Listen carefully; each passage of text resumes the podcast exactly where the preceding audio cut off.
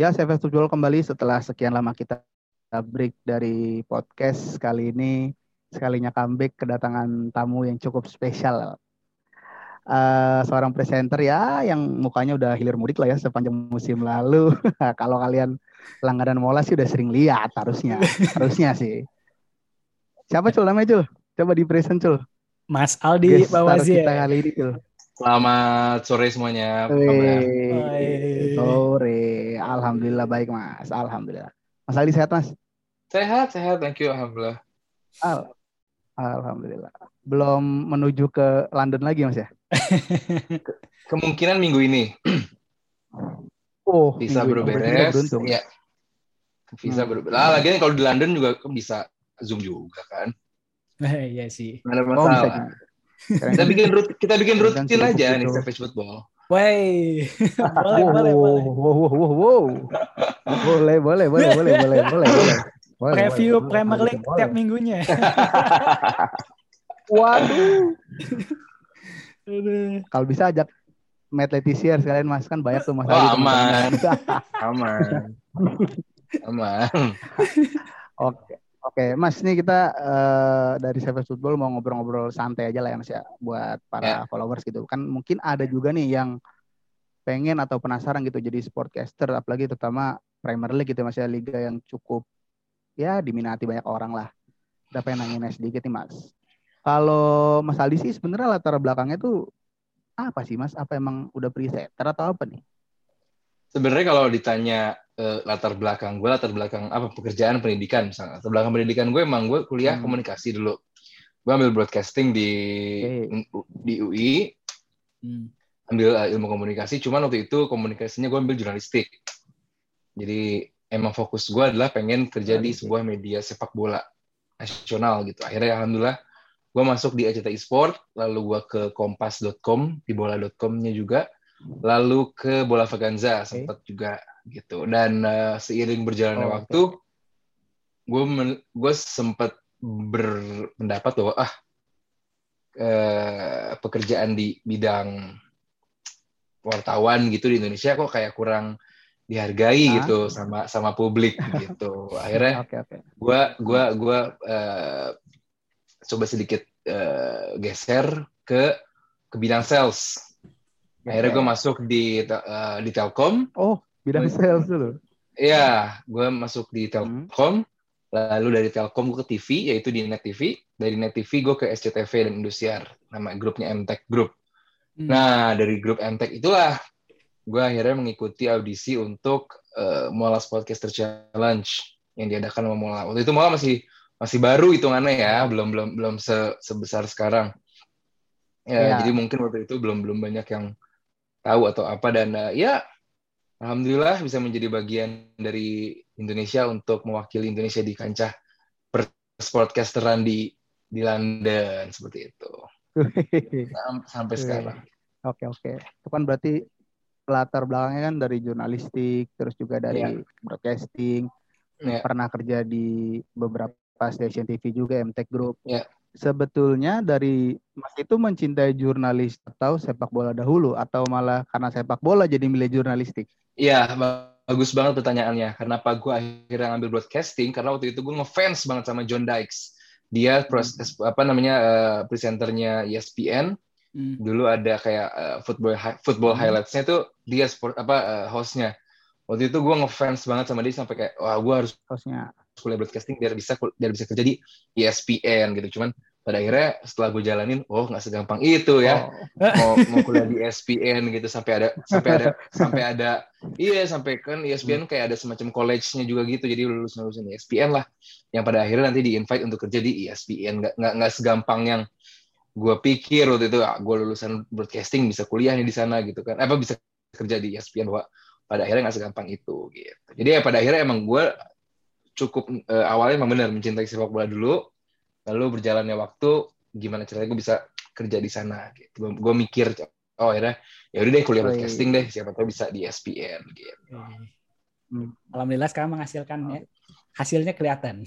Oh, ya. Walaupun masih ya kita bareng-bareng lah belajar. Hmm. ah mas. Karena karena dunia sportcaster itu apalagi ya disebutnya dunia, dunia entertainment kan sportainment yeah. bahwa dunia sportainment itu kan nggak Ya. pernah berhenti. Lalu dia developing, developing, developing, belajar, belajar hal baru, hal baru, hal baru kayak gitu. Ah, Mas. Nah, gue mau nanya nih, Mas. Tadi kan Mas sempat cerita singkat lah ya, apa peka- eh, perjalanan karir Mas bisa sampai di Mola nih. Cuma Mas boleh nggak eh, menceritakan seperti apa sih proses awalnya dari Mas ikut seleksi hingga akhirnya Oh, Oke. bertemu Paul Dempsey dan akhirnya Ya. bekerja di Mola. Ya, eh, waktu itu gue lagi bekerja di MTech ya, eh, MTech Group di Senayan Hmm. City kantornya sudah berada di. Alhamdulillah waktu itu eh, karena gue juga udah lumayan lama di sales, gue bukan yang eh, baru gitu di sana. Maksudnya gue sudah sudah sudah ada di posisi yang cukup. Waktu gue waktu itu udah cukup nyaman lah gitu. Eh. Lalu eh, gue diberikan sebuah pilihan dan gue sedikit menantang diri sendiri bahwa bisa nggak ya gue ninggalin oke. Comfort comfort zone gue ini untuk pursue my dream gitu. Maksudnya bahwa ini kan belum tentu dapat nih gitu. Cuman istilahnya kalaupun iya gue tinggalin ini apakah ini bisa memberikan wawasan baru memberikan peluang baru memberikan kesempatan baru buat gue pada akhirnya itu gue tinggalkan itu gue ikut audisi. Dan alhamdulillah ya ya udah keterima bahwa gue harus bikin video bikin video di Instagram lalu eh, alhamdulillah masuk ke national final di Jakarta waktu itu acaranya di Kemang Village dari rib- Oke. 1200 yang submission Wow, banyak eh, banget ya. finalnya tujuh orang ya gue baru dapat infonya bahwa 1200 submission katanya 200. Iya.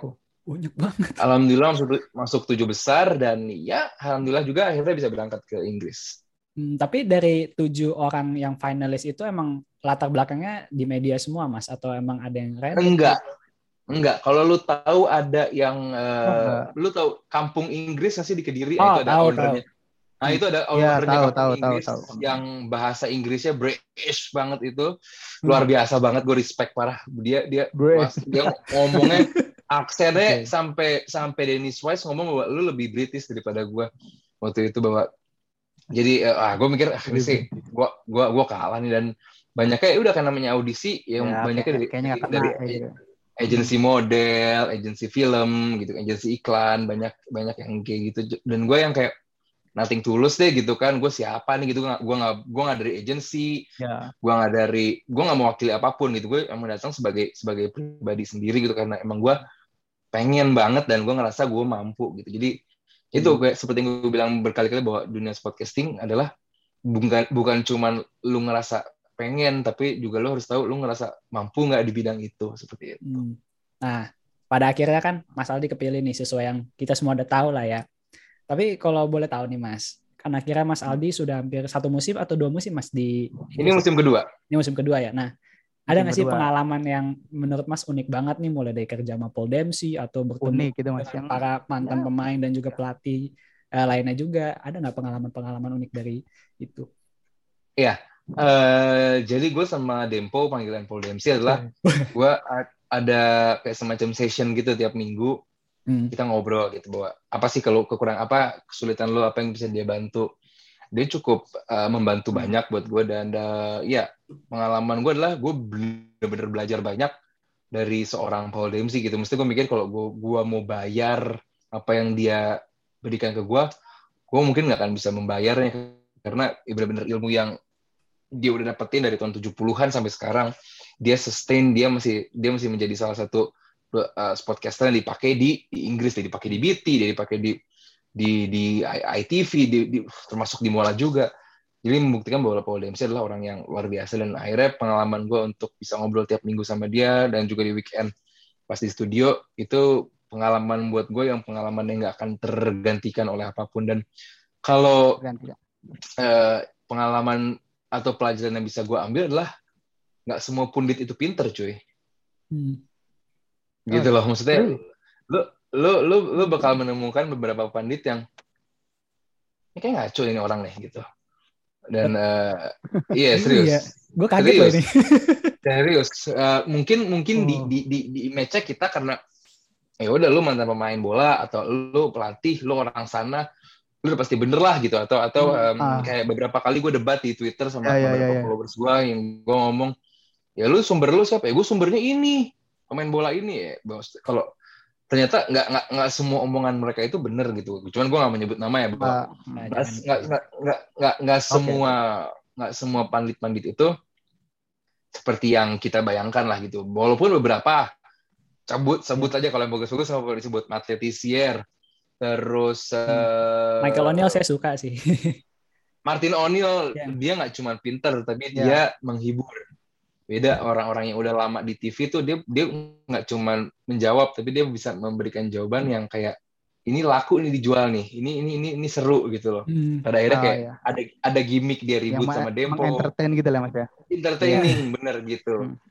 Uh, uh, hmm. itu itu yang itu yang itu yang nggak uh, semua pandit bisa ada juga Alan McKinley itu uh, itu keren banget bagaimana gestur dia sebagai seorang uh, pandit luar biasa banget uh, ya akhirnya gue pengalaman luar biasa gue lah selain gue bisa belajar banyak soal sama Dempo adalah pada akhirnya gue juga bisa memecah bahwa oh nggak semua uh, pandit atau pembicara itu tuh kita harus terlalu bulat-bulat juga gitu. Ada beberapa mereka memberikan data yang salah, memberikan pandangan yang salah buat buat setelah kita bawa ke kita cari tahu lebih dalam gitu ya, kayak gitu hmm. sih. Oke, okay. habis? Oke, Mas, tadi kan udah cerita banyak nih pengalaman. Tapi satu Mas pengalaman yang paling absurd apa tuh?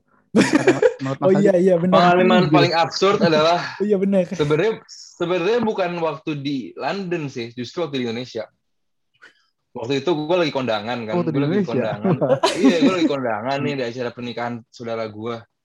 Wah Aldi, wah Aldi sportcaster, coba nah. dong sportcaster dong, coba pemirsa pemirsa gitu. Eh kan gue lagi lagi kondangan cuy, lo enggak enggak aja gitu. Jadi kayak gitu banyak banyak gue kayak lo lo lo sebagai podcaster, oh, coba dong iya. pemirsa kayak gitu maksudnya kayak MC lah ya. iya iya iya gitu loh maksudnya kayak itu itu lah lo enggak enggak aja oh, iya. cuman ya balik lagi sih kayak yang gue bilang bahwa kalau lu, lu lu lu menekuni apa yang lu sukain lu cintain saat lu tekun itu akan terbayar sih. Hmm, benar sih. Bahwa bahwa kita bisa kita bisa belajar seribu buku lah soal sportcaster, tapi saat kita me, me, menggelutinya ah. langsung gitu kan kita di tempat yang ya kayak di misalnya contohnya kayak gue di London gitu, wawasan lu bener-bener kayak anjir yang yang kita tahu tuh belum ada apa-apanya gitu. Bagaimana TV production itu nggak yeah. seperti yang nggak seperti yang orang bayangkan gitu bahwa kesalahan ngomong itu tuh hal yang sangat amat wajar gitu. Jadi tadinya mungkin gue kalau ngeliat ada podcast salah ngomong mungkin gue kayak ngetawain gue apa sih lu bodoh lu gitu kan.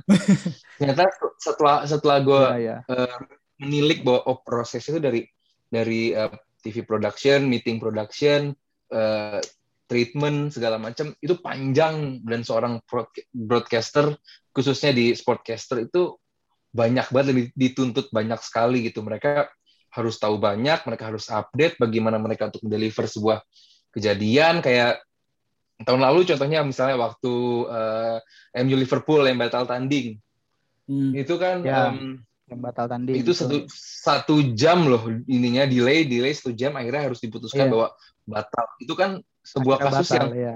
hmm. iya bahwa kasus yang kayak lu kalau lu di situ seorang sportcaster yang kaku lu nggak punya data atau lu punya bank of data yang bagus, lu bakal bingung lo mau ngomong apa. Benar sih. Gitu loh. Iya. Apalagi kalau mending kalau kita tinggal di misalnya contoh kita kita di Indonesia gitu, mungkin kita bisa dibikinin prompter gitu, kita bisa ngomong apa aja nurut dari produser kita. Iya.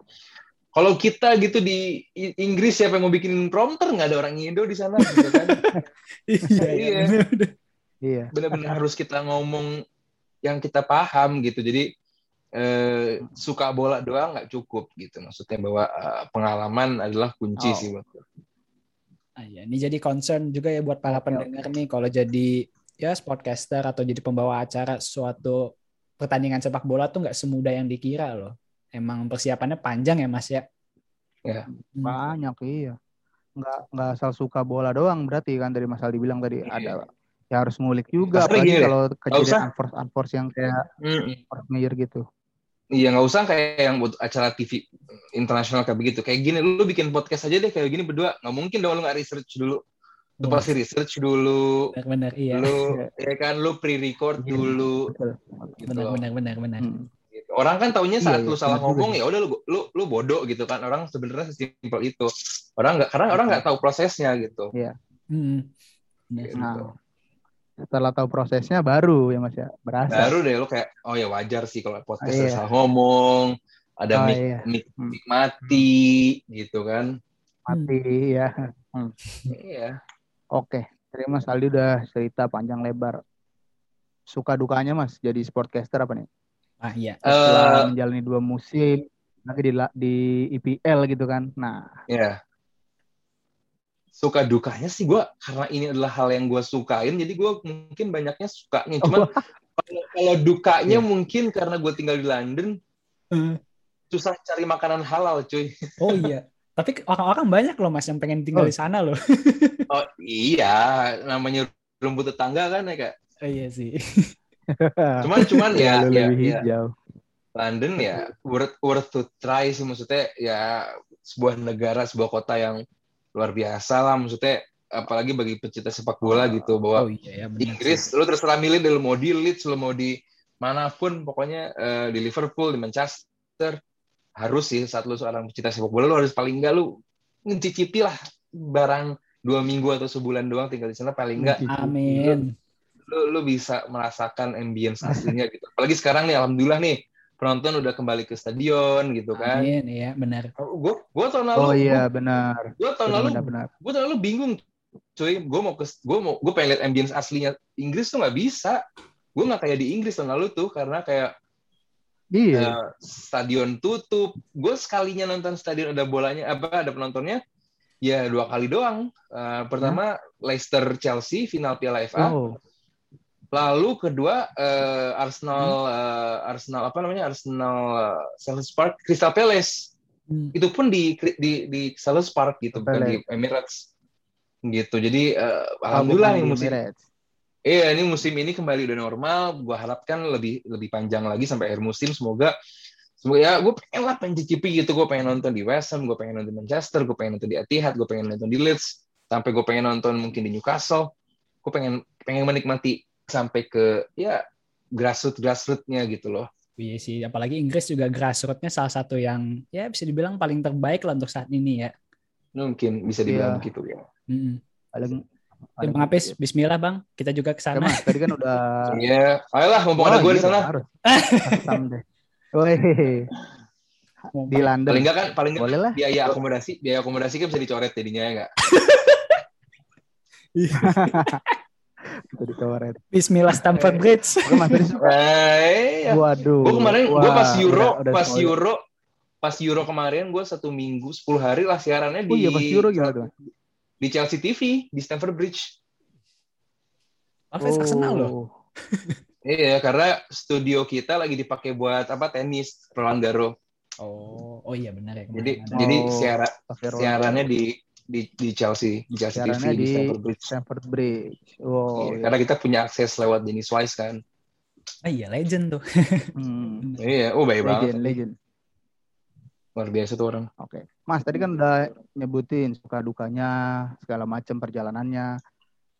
Tipsnya tadi sih udah sempat disinggung. Cuma saya minta ke Mas kalau kira-kira nih tipsnya apa nih Mas buat orang yang bukan dari jurnalistik, bukan uh, suka olahraga tapi bukan mesti sepak bola mas ya karena kan podcaster nggak cuma tentang sepak bola ya kalau bukan dari jurnalistik kira-kira tips yang tepat nih buat orang ya. yang jadi sportcaster apa tuh mas ya ya ya sebenarnya nggak nggak harus apalagi dengan sekarang banyak kita bisa mengakses informasi yang valid ya informasi jangan cuma asal informasi tapi informasi yang ya. valid ya. di sekarang ya. kayak lu bisa lu bisa subscribe The Athletic lu bisa buka apa pun gitu eh, premierleague.com sekarang pertandingan sekarang lu bisa langsung dapat stats juga sekarang.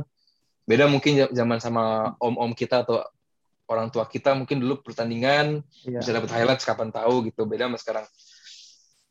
Jadi kalau buat gue yang jelas yang pertama adalah lu harus bisa ngomong. Kemampuan public speaking lu okay. itu yang harus uh, lu milikin karena buat gue public speaking itu nggak bisa dilatih lu bisa belajar cuman kalau public speaking buat gua itu bakat bahwa itu emang harus ada dalam diri lu gitu. Ya, paling enggak lu ngerasa hmm. harus lu harus ngerasa bahwa emang gue bisa berbicara depan umum gitu walaupun berbicara depan kamera saat light itu bernyala warna merah itu pun nggak gampang hmm. bahwa uh, kalau soal bukan dari jurnalistik ya jurnalistik kan lebih belajar bagaimana penggunaan kalimat kalimat news ya hard news namanya ah. Berbeda hmm. sama kalimat-kalimat uh, features bahwa lu boleh penggunaan kalimat yang bercabang-cabang berbunga-bunga gitu dibandingin sama kalimat-kalimat hard news yang 5W 1H 5W 1H gitu kan. Uh, itu mungkin yang membedakan saat ini anak-anak dari anak lulusan jurnalistik atau bukan ini, ini orang pernah kerja di berita apa bukan. Selebihnya yang penting adalah pembawaan lo, lo, lo orang easy going, lo mampu membuka hal baru, lo lo lo nggak tertutup dengan lo nggak inklusif, maksudnya kayak lo lo nggak tertutup dengan uh, hal yang berbeda dengan diri lo, lo nggak tertutup dengan bahwa uh, perbedaan itu apa, bahwa lo mau juga pengen belajar, terus belajar lo pengen pengen mencoba hal baru, lo lo lebih segini, lo pengen lebih, lo pengen lebih, uh, itu mungkin bakal menjadi basic yang harus ditambah kalau emang lo punya pembawaan uh, yang menarik gitu maksudnya kayak orang tuh hmm. pengen gitu ngobrol, ngobrol sama lo bahwa uh, contohnya aja kayak buat gue oh, iya. luar, luar biasa banget. Gue bisa alhamdulillah deket sama seorang leg legenda Southampton Matt Letizier kita whatsappan bahwa kayak gue misalnya gue belum sampai studio dia udah sampai studio duluan dia nanya lu, lu di mana? Gitu. Dia nanya gue dari mana? Begitu gue sampai studio dia nyuruh gue duduk dulu. Dia nanya lu mau angle apa nanti bukanya? Nah, pembukaannya lu mau pakai pakai angle apa? Pemain-pemain siapa aja lo mau ajak uh, lo mau lo highlights? Itu adalah jadi karena dia trust gitu. Dia percaya bahwa bisa gitu ngobrol saling gitu. Karena gue pun nanti akan memberikan feedback juga buat dia kepada metode TCR bahwa itu itu yang itu yang itu yang nggak gampang itu yang perlu proses. Cuman saat lo udah punya saat lo udah punya itu pekerjaan lo sangat amat menyenangkan gitu. Jadi uh, oh. pastinya adalah lo harus bisa-bisa untuk membangun kredibilitas dan pada akhirnya lu juga harus bisa berada di circle yang uh, tepat gitu. Karena sebelum gue ke London pun gue berada uh, mungkin kalau teman-teman sudah pernah gue ada beberapa kali gue tampil di Dewan Pandit Indonesia uh, asuhannya Jebret Radot ya. Valen hmm. uh, gue berusaha hmm. ya Jebret TV gue gue tujuannya adalah gue berusaha berada di circle, circle yang tepat gitu karena itu adalah circle yang di mana bahwa isinya adalah sportcaster terbaik Indonesia bahwa di situ ada uh, pandit-pandit, gue bisa belajar banyak di situ. Walaupun kita ngerasa kita belum ada di level mereka, apalagi kita bisa menyerap ilmu mereka gitu. Itu yang itu yang lebih tepat lagi bahwa kita juga harus oh, iya. berada di circle yang tepat gitu. Jangan kita jangan ada di circle yang ya lu udah ngerasa lu udah ah jelek lu, ah lu kurang ini lah. Jangan. Itu justru bakal kita drop karena lingkungan kita akan me menunjukkan siapa kita sebenarnya seperti itu. Jadi kalau lingkungan temen lu bikin lu kayak ngerasa iya kayak ah udahlah kita cukup lah di Indonesia aja lah kita kayak begini-begini aja lah gitu. Akhirnya nggak memotivate lo mungkin lo harus mencari circle yang baru. Benar sih masuk akal. Kayak gitu. Betul. Oke deh. Harus cari circle yang baru kalau tidak ada perkembangan. Betul sih. Oh, betul, iya, iya. betul, betul, betul, betul. belajar juga dari mana aja ya mas ya. Apalagi iya dong. dengan orang-orang yang kredibel juga tentunya. Iya iya iya. Hmm. dan um, banyak banget yang saat lo ada di Inggris misalnya lu bisa nanya sama siapa pun soal sepak bola gitu loh. Walaupun pada akhirnya jawabannya bener atau enggak ya oh. karena contohnya gini karena waktu itu gue lagi ke pub di Inggris gue ketemu salah satu fans Inggris. Itu tua banget udah udah yang apa udah ubanan banget gitu. Gue nanya yang gue nanya soal gue nanya soal gimana timnas. Lu lu apa pandangan lu soal timnas sekarang gitu kan? Itu yang gue lihat adalah dia jawab nah. cuman they all fucking rubbish. Dibilang sampah gitu pemain-pemain yang Gareth Southgate gitu buat dia. Jadi iya, maksudnya kayak even even even orang orang asli Inggris sendiri hmm. aja waktu itu nggak nggak begitu senang yakin, sama ya? timnas sekarang nggak begitu yakin. Tapi itu sebelum final mas atau? Hmm. Oh jauh jauh. Jauh ya. Mungkin sebelum entah satu dua pembukaan eh, setelah pembukaan atau awal-awal gitulah apa sebelum gitu. Buset, hmm. jauh-jauh sebelum finalnya udah digituin. Eh, iya. Setelah eh, kalah tambah lagi. Eh, iyalah. Lu lu mungkin karena lu daily lu menginformasikan kepada teman-teman di Instagram. Mungkin lu juga lebih paham gimana media Inggris memframing pemain lokal Inggris, memframing klub-klub Inggris, memframing yeah. pelatih asal Inggris. Sangat amat beda treatmentnya sama pemain asing di Inggris. Gimana dulu misalnya 2002 bagaimana Beckham disebut Judas saat dia pindah ke Madrid, gimana Sol Campbell dibilang juga Judas saat dia Madrid, ke, ya. hmm. yeah, ke Arsenal. Tapi lihat bagaimana Ronaldo. Arsenal. Iya, ya. gimana gimana Ronaldo treatmentnya? Wah, karena dia pemain asing luar biasa banget Ronaldo di Inggris. Hmm. Apa, bukan bukan Beckham bukan Beckham kekurangan uh, stats yang baik di MU gitu kan? Sangat amat banyak stats baik yeah. MU di, uh, di, ditorehkan oleh uh, Beckham. Cuman karena mungkin dia adalah pemain Inggris, tri treatment dan angle-nya buat orang-orang lokal Inggris tuh media Inggris sendiri ya. tuh kayak iya. Apalagi kalau uh, eh, gue pernah diundang juga waktu itu sama box to box saya waktu itu gue uh, sebelum final Euro. Gue hmm. sengaja gue pengen beli koran hari itu. Jadi misalnya sorenya final gue pengen beli koran hari paginya gitu. Dan itu semuanya ke Inggris hari apa ya. media media Inggris tuh benar-benar support buat Italinya gitu loh. Iya, bahwa uh, Harry Kane diledeki, Sterling Sterling dirasisin, bahwa iya gitu loh, maksudnya itu yang gue belajar juga. Sih. Foden. Foden sih ya udah lah. Gitu. Nah. Tapi saat saat kalah, saat kalah ya karena mereka juga butuh barang jualan, ya udahlah yang dijual bukan Osaka, Rashford sama Sancho kan. Wow, kita support lu gini gini gini gini. Iya, iya. Jahat sih tapi Gimana? emang sih media sana. Oh, kacau coy banget. Iya. Ah, industri keras emang. Iya, Mas. Abis ini kita mau ngobrol-ngobrol nih soal your favorite club, Arsenal Football Club. Tapi iya, uh, kita kan udah lihat-lihat.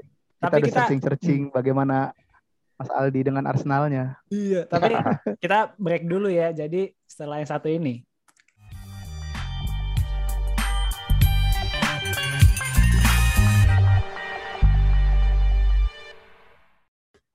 Oke, kembali lagi ke podcast Savage Football bersama gue Gian dan juga Bang Apis dan Mas Aldi tentunya bintang tamu kita hari ini. Nah, Mas, lanjutin tadi ya. Kita mau ngomong-ngomong soal Arsenal nih. Ya, yang paling umumnya dulu aja lah, Mas. Seberapa pede Mas sama Arsenal musim ini? Pede buat apa nih? Pede nggak degradasi? hey. Kalau hitungannya nggak degradasi, gue pede lah. Pede ya. Tapi untuk mengarungi kompetisi ya, khususnya ya minimal target zona Eropa lah. Kira-kira masih pede nggak? Zona Eropa berarti tujuh besar ya? Pede. Pede, oke. Okay. Ya, besar. Apalagi kan ada conference nih, Liga Champion, ada, Europa League. Ada Ini conference juga kan baru. Conference League tujuh besar berarti dong. Iya, iya hmm. benar. Pede tujuh besar. Basically, basically sih gue nggak begitu yang menargetkan atau membebankan Arteta dan pemainnya dengan target yang sangat amat fast and nesting gitu. Jadi gue nggak yang nggak terlalu mau membebani mereka dengan ah mereka harus juara atau mereka harus masuk Liga Champion karena hmm, bingung juga bilang bahwa ini tim sedang sedang progres. Gue nggak lihat gue nggak lihat progresnya. dibilang dibilang tim ini berkembang, gue nggak lihat kembangnya gitu. Loh, cuman cuman nggak tahu kenapa nih Stan sama Josh Kroenke mungkin lagi kesirep atau apa gue gak ngerti dia lagi baik banget memberikan dana terus-terusan. Ini aja sekarang sebelum akhir transfer Windows lagi mau dikasih 54 juta pounds lagi. Oh, banyak banget. nah lagi siapa yang mau di iya maksudnya uh, cuman cuman yang yang yang buat gue adalah mungkin satu sisi gue terlihat seperti fans yang nggak mau bersyukur cuman satu sisi lagi gue merasa bahwa dengan dana sebanyak itu harusnya Arsenal bisa beli beberapa pemain yang lebih siap gitu. Contoh buat gue Iya, maksud gue kayak Arsenal sekarang udah mengeluarkan duit 129 juta pounds. Mereka tim paling boros di Inggris saat ini gitu. Pounds. Iya. Iya gitu loh. Maksudnya uh, pengeluaran mereka besar, cuman untuk para pemain apakah, muda nggak sih Mas bisa dibilang? Apakah pengeluaran mereka yang besar itu memberikan kayak yang lu buka tadi, apakah itu memberikan keyakinan atau optimisme kepada fans gitu loh? Mm -hmm. Gue sih jujur jujur enggak gitu. Mungkin mungkin akan lebih tepat guna kalau dibelinya pemain-pemain yang emang lebih bisa dipakai sekarang gitu. Contoh misalnya Husam Awar, dia 25 juta pounds. Dia yeah. emang pengen pergi, dia sangat uh, amat iya. kontributif di Lyon gitu kan. Hmm. Uh, beberapa pemain yang emang emang oke okay gitu loh. Hmm. Cuman uh, buat gue, gue akan belum belum belum berubah angle gue terhadap Ben White dan gue sih berharap gue salah. Cuman buat gue pembelian Ben White 50 juta plus plus itu sebuah apa ya? Buat Brighton sih very good business. Tapi buat klub sebesar Arsenal. Iya. Ah, yang gitu, terkenal juga cukup pelit mengeluarkan uang cukup di beberapa pelit, masa transfer gitu. terakhir. Transfer membeli yeah. seorang Ben White dengan menggelontorkan 50 juta. juta. Hmm. Gue nggak paham maksudnya. Maksudnya kayak uh, ya oke okay. banyak banyak orang bilang wah lebih hebat MU dong bisa datengin Varan harga 35 juta doang. Mereka lupa hmm. MU Liga hmm. Champion. Iya benar-benar. Dan Varan juga iya. Varan posisinya udah berusia 25 ke atas dan kontraknya sisa 28. setahun. 28 tahun yeah. itu ya prime lah untuk seorang defender. Maksud gue uh, saat lu main di Liga Champions, faktor duit itu nggak sepenting sekarang gitu. Maksudnya nggak penting. Kayak misalnya Arsenal, Arsenal nggak main di apa-apa nih. Main hmm. Piala FA doang nih sama Community Shield. Eh enggak, sama, sama Karabau. Tapi eh Karabau. Sama yeah. Karabau, Karabau. Karabau. Yeah. Karabau ya?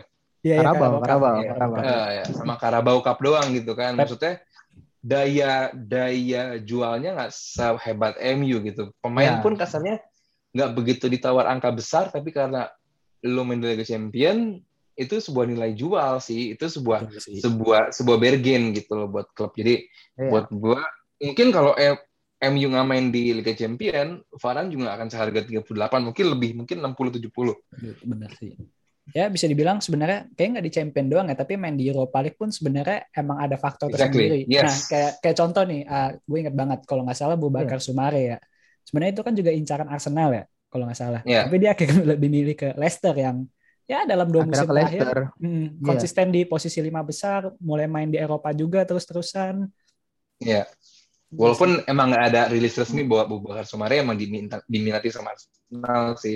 Hmm. Itu masih rumor-rumor gitu yeah. kan. Cuman uh, ya gue pun kalau gue sekarang gue sebagai pemain nih ya gue lebih milih Leicester lah dibanding Arsenal Iya sih ya maksud gue ya. maksud gue kayak prospek ya. progres progresnya gitu loh Arsenal hmm. nggak gaya permainan Arsenal sekarang juga lagi bingung ah, maksudnya iya.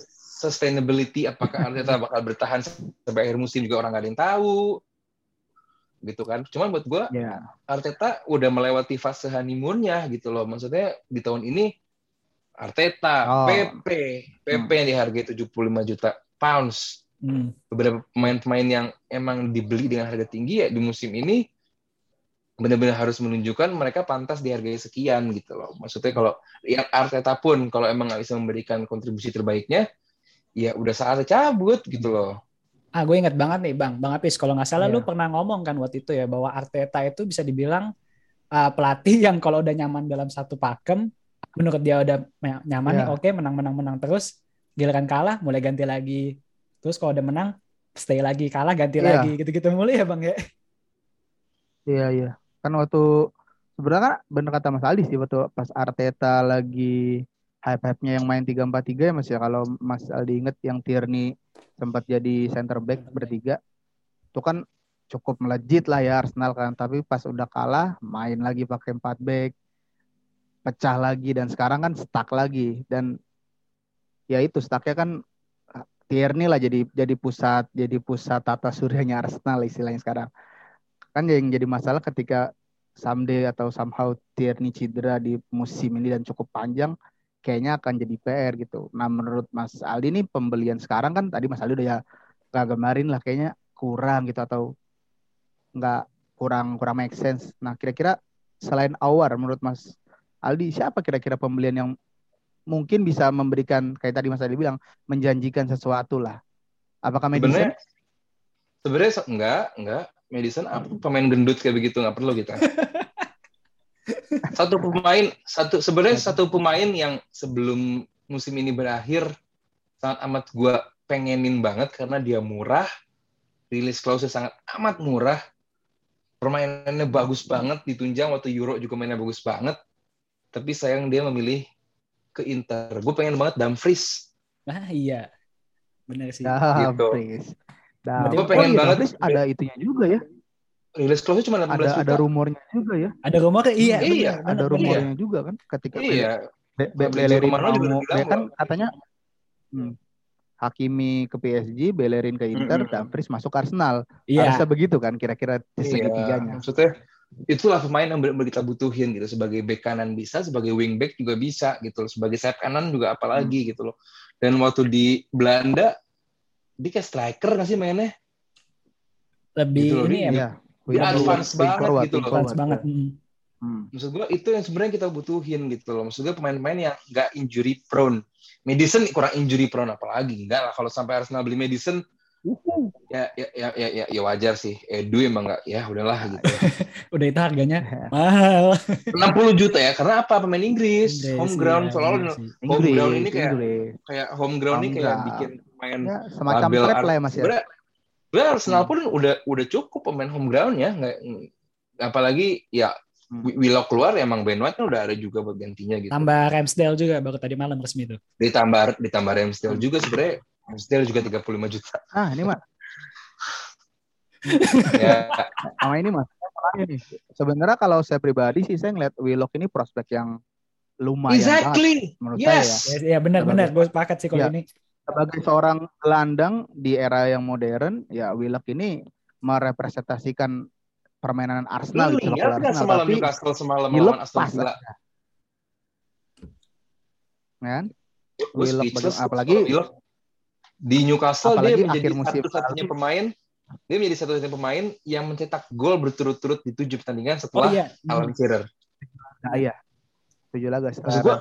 Nggak gampang gitu. Dan dengan nggak posisi gampang. kandang gitu loh, Mas. Iya dong. Posisi gelandang gitu loh. Dan sebenarnya yang gue sayangin dari Willock juga Willock itu kan asli didikan Hall End lah ya. Hell, hell end, yes. Iya, dan harusnya kan Hmm. dia tuh udah tahu lah seperti apa Arsenal mulai dari identitas klub filosofi dan ya cukup sayang aja sih pemain yang udah mengenal apa? Ya. Ya yang, yang Iya. udah mengenal itu dilepas. Identitas. Iya. Nanti gue sistem transfernya. Berarti hmm, oke, kalau Mas ngelihat tim-tim lain lah, kita let's say Big Six lah. Iya. Transfer-transfernya kan kalau kayak City dengan Grealish-nya, MU Sancho Varane, Chelsea tiba-tiba callback Lukaku. Thank you, thank you, thank you. Big Gimana? Rom is coming back. Look who's back ya. Siap, meng, Nah, itu siap gimana, Mas, menghancurkan lini Ah. belakang Arsenal di malam. Oh iya Pasti tuh Mas. Nayan, ntar malam malah ketemu lagi. Waduh pasti. Ya, aneh kalau Chelsea. Aneh kalau Chelsea eh men- kalah nah malam tuh bakal aneh banget. Iya sih. Jadi terus gue gue gue optimis Hmm. Arsenal cuman menghadapi Chelsea dengan mereka juara Liga Champion ditambah Lebih matang juga secara. Lukaku. Tambah Lukaku. Iya udah udah udah terlalu gimana juga Marcos Alonso ini udah lu bikin gol makin mantep banget sekarang kirinya nggak ada Hmm. Ben Chilwell juga cedera ya Ben Chilwell lah sih apa cedera Nggak, Ben Chilwell belum fit aja dia. belum fit ya iya itu maksudnya saat Ben Chilwell main dia Oh, perform di iya, saat Chilwell. di saat Alonso main dia Kalau bikin gol main. gitu loh nggak ngerti lah Chelsea harusnya Chelsea iya. harusnya makin kuat gitu loh buat gue buat gue tahun ini gue gue tadinya Hmm. mikir gue tadinya gue mikir City ditambah Grealish bakal boosting banget ternyata enggak ya City biasa aja ada Grealish permainannya juga bikin bingung karena jenderal di tengahnya jadi bingung Kalau kalau gue ngeliat antara De Bruyne atau Grealish kalau gue sih ngeliat Grealish mungkin eh, sempat kan tadi malam gue nonton waktu lawan eh, apa namanya tuh Norwich. ya ya Norwich. waktu lawan Norwich Grealish itu emang sebenarnya belum nyetel lebih kelihatan belum nyetel aja sih kalau Ya, buat gue ya. pembelian maksa Grealish ke juga. maksud gue karena Chelsea eh apa City sebenarnya Ya. butuh-butuh banget Grealish kecuali emang Sterling cabut Hmm.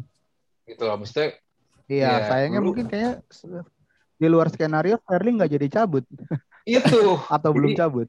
Jadi bingung nih Iya. maksain gitu bakal ada bakal ada dua atau tiga posisi ada ada pemain di satu posisi itu yang itu yang itu yang nggak ideal sebenarnya. Ya tapi kan balik lagi ya Pep Pep Rule ya kan dia ngacak-ngacak mulu. Hmm. Makanya gue pun di gue gue di FPL nggak pernah pakai Man City karena gue bingung. Ah ya tadi bang pertanyaan lo yang tadi bang sorry kepotong sama gue Iya, jadi kan kalau ah ini kan juga sempat ada rumor-rumor deras gitu kan. Ketika Auba katanya mau nggak diperpanjang, Laka juga sempat mau cabut. Sempat tersebut nama Temi Abraham ya kan. ah iya Terus benar akhirnya dia Koma dia lepas lah ke Roma gitu. Menurut Mas lini depan Arsenal sendiri nih perlu boosting nggak sih Mas? Pertanyaannya mungkin Auba? gini. Dan- Pertanyaannya begini. Mungkin gini pertanyaannya. Perlu buk- bukan perlu atau enggak. Seberapa bagus pemain yang harus menggantikan mereka seperti itu. Karena kalau ditanya boosting udah pasti perlu banget, Bos. Auba sama Aka tuh sampah. Oh, iya, iya. gitu loh. Mereka berdua udah lupa cara bikin gol di Arsenal ya. Hmm. Mungkin kalau nanti pindah klub ya, mungkin nah, ya. beda gitu loh. Bukan berarti mereka karir udah selesai, ya. cuman sistem sistem Arsenal mungkin nggak ya. suit dengan mereka. Mereka berdua harus cabut. Mungkin yang paling yang paling yang paling harus cepat-cepat adalah Lacazette.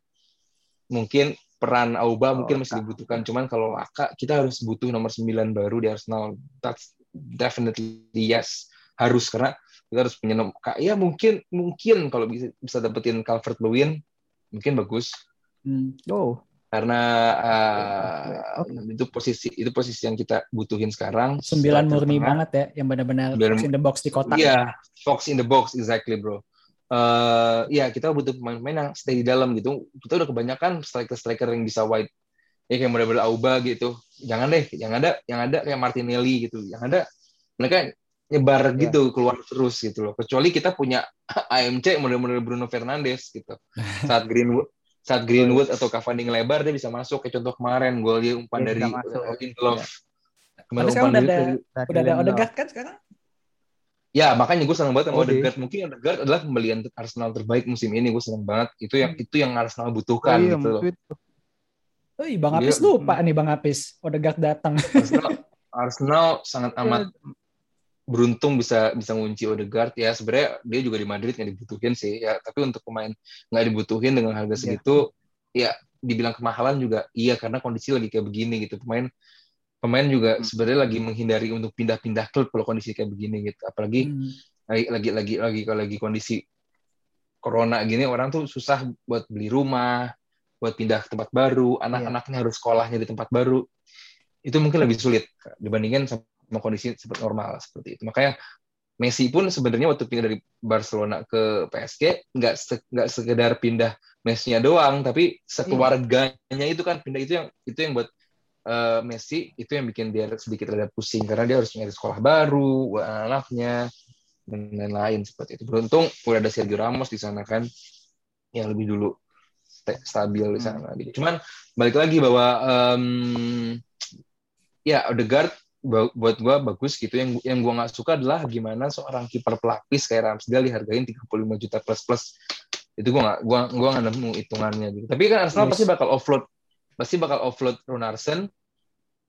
Uh, harusnya juga pasti offload Lacazette hmm. untuk mendapatkan striker baru. Kita lihat lah nanti sampai akhir sampai akhir bisa transfer apa yang terjadi sebenarnya gue sih pengen tetap pengen pengen optimis gitu pengen pengen gitu gue pengen optimis cuman ya gimana ya cuman kita namanya sebagai fans ikutin gitu. gue juga ya. ya. iya, gue juga kaget ternyata lima pertemuan terakhir Arsenal sama Chelsea kok lebih unggul Arsenal ternyata gitu kan. Iya. Terakhir eh musim lalu dua kali kalah loh. iya, makanya. iya, gue bingung, ah Serius nih data pas gue baca. gue aja sampai gue aja sampai kayak ragu gitu. ah, by the way ngomong ada secara harapan lah, Mas. Hmm. Oh ya, selalu. By the way tadi kan ngomong-ngomong kiper nih kan sempat nyinggung Ramsdale uh, pelapis. Berarti Mas secara nggak langsung juga masih optimis ya kalau Leno mah masih cocok oh, aja. Iya. Leno kayaknya. Ya. Leno Leno bagus, cuman backnya bapuk. Kesian gitu. Hmm. Dia kiper bagus, cuman kipernya backnya gitu. Ya sekarang sehebat-hebatnya Van der Sar kalau backnya bukan Vidic sama uh, Ferdinand juga kan susah waktu backnya dia West Brown. Ya Waktu backnya West Brom sama Oshie kan ya berantakan-berantakan juga Van de Sar. Oh, iya. gitu iya loh. Saat saat backnya bisa menunjang ya baru gitu loh. Simon juga kalau bukan Dixon sama Adams ya kan beda gitu loh. Ya. sih. Karena Arsenal nggak punya nggak punya nggak punya patron di depannya yang yang yang yang bagus gitu. Ada tapi kalau menurut Bang Apis sendiri ada nggak Bang? Nggak ada juga. Pablo Mari sebenarnya pas pertama kali datang cukup yakin ya Pablo Mari gitu kan pas tapi yeah. kok at the end of the day sampai ke sini semakin menunjukkan tidak siap gitu kayaknya kurang yeah. siap dia sih butuh dia butuh pomade baru mungkin Pablo Mari oh iya Lu perhatiin deh, pomade kayaknya kencang. Oh iya, tadi belum Mas jawab nih. Benar, Eh, iya Mas, tadi belum Mas jawab nih. Berarti siapa sosok pemain depan yang yang bisa lah buat Arsenal nih kan Abraham udah pasti fix kan dia kayak AS Roma. Ya. Siapa? Gue sih pengennya. Apakah Balogun cukup si anak muda uh, yang muncul? sih yang jelas gue sih dua, dua nama pemain yang yang gue masih tunggu Max Aarons bek kanan uh, oh, dari Norwich. Norwich. Lalu kalau bisa dapat Calvert Lewin ya bagus lah. Max Aarons ya. Hmm. Sama tadi plus Awar ya Mas ya? Iya. Cuman kalau beli Awar udah udah udah udah padat banget tengah. Cuman ya nggak tahu Awar datang nanti apakah El Nini katanya cabut ke Turki gue juga nggak tahu. Gitu. Berarti kalau Awar masuk berarti bakal duet pivot berdua ya sama si pasti pivot dua pasti lebih pivot sama si Partey mungkin atau ya Partey. siapa satu lagi. Iya sekarang Saka sih mau nggak mau. Ya paling Saka, paling Saka Saka. Mm iya. Partey cedera Sambi belum belum belum belum cukup dapat uh, jam yang banyak biar final ya sekarang kan sekarang kan kayak antara malam kayaknya paling memungkinkan kan Saka El Neni kan atau Saka Sambi gitu. Cuman ya lihat nanti lah. Cuma kalau kalau uh, mungkin kalau tadi Awar masuk paling paling paling make sense adalah yang ini cabut. Hmm, benar sih. Sambi Sambi yeah. Lokong, wah pemain bagus tuh. Yoi. Mirip-mirip Alex Song. Gak tau kenapa ya. Yeah. Ada yang bilang gitu, cuman dia lebih atletis aja lah. Iya sih. Nah, kalau Bang Apes, ada pertanyaan lagi nggak, Bang? Kalau gue sih paling pertanyaan penutup aja udah, Mas. Arsenal, Chelsea jalannya laga gimana kira-kira? Ah iya. Seperti seperti Saya biasa Chelsea. Deh, jalannya laga. Chelsea. Ya bagus, gue juga akan jawab kalau skor. Ya. Seperti biasa Chelsea jalannya kalau ngadepin Arsenal pasti pasti bakal main pasif football. Pasti bakal bikin Arsenal menguasai jalannya laga, nunggu Arsenal bikin kesalahan, lalu serangan balik. Apalagi serangan baliknya sekarang biarpun gak ada Ziyech, namanya kan Ziyech gak main kan. Udah ada Lukaku coy. Lukaku masih, butuh di Belgia. Dan kita ada Werner juga pemain yang ya bisa dibilang sangat oh, unggul ketika transisi positif nih. Ketika yeah, transisi cepat nih Werner yeah, menggunakan Werner kecepatannya. It, Werner itu ibarat uh, kalau Arsenal diibaratkan sebagai pemain itu Werner. Nggak ada tepat-tepatnya Chan. Hmm. nunjuk nunjuk nunjuk logo salah. Foto logo salah. Jadi ibaratnya kalau sekarang ini Werner diibaratkan sebagai klub itu Arsenal. Arsenal. Tapi juara tapi punya juara nama, Champion, tepat, gitu, punya nama.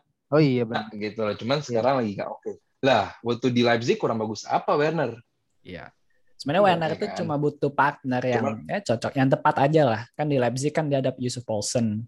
Nah sekarang kan harapannya ada Lukaku kan. Semoga bisa menjadi duet yang mematikan nih. Iya gitu. Makanya jadi Uh, buat gue sih paling jalannya laga nanti Arsenal bakal dominasi seperti biasa, menguasai jalannya laga, dominating football, position football. Dipancing gitu ya mas ya. Kesalahan-kesalahan kecil, serangan balik, uh, Ben White ngaco lagi gitu. Cuman um, gue nggak tahu ya. Oh, detil, sekarang detil, mungkin detil, Saka bakal detil. main Saka, Saka bakal main dari awal mungkin sekarang. Uh, Bukayo. Hmm nggak uh, tahu yang main di kanan nanti Saka atau Pepe atau nanti Smith Rowe di kiri Odegaard di tengah nggak tahu kalau Odegaard sudah main apa belum ya.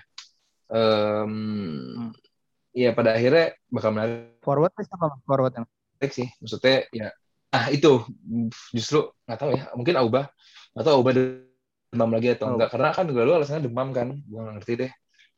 Di di kan COVID, di ya, apa COVID, COVID. kok bisa gitu conditioningnya nggak ngerti gue Arsenal gitu. Cuman uh, ya lihat lah gitu. Cuman eh, gue ngerti kenapa ya kalau gue ngadepin Chelsea gue yakin gitu loh. Gue kalau gue kalau ngadepin tim lain gitu gue udah kayak tahu diri gitu loh. Ya, kalah gitu Arsenal.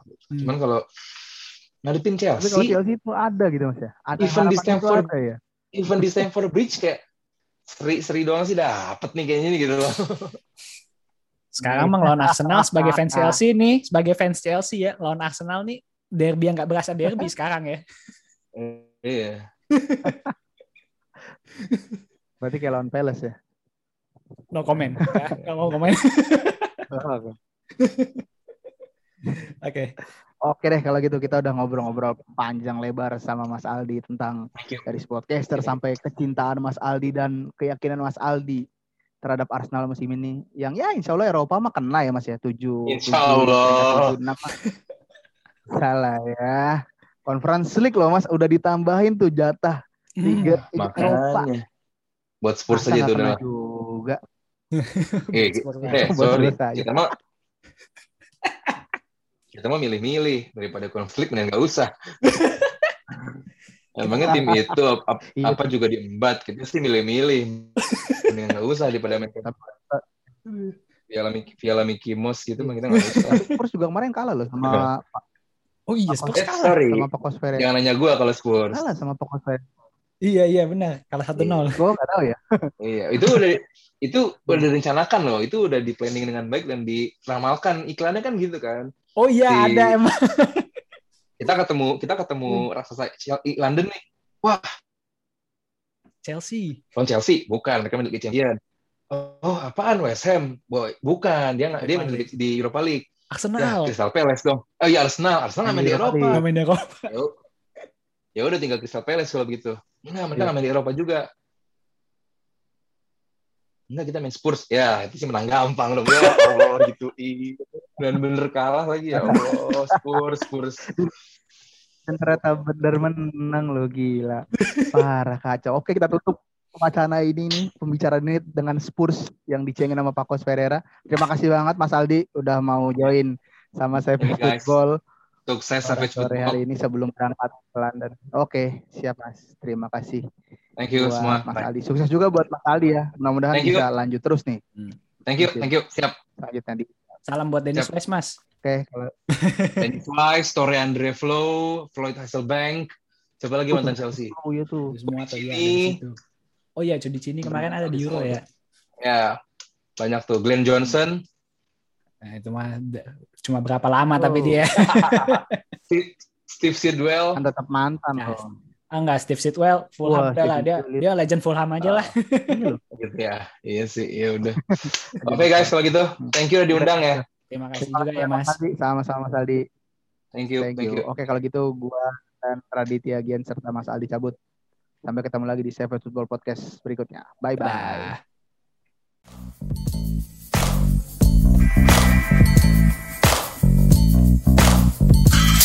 Bye.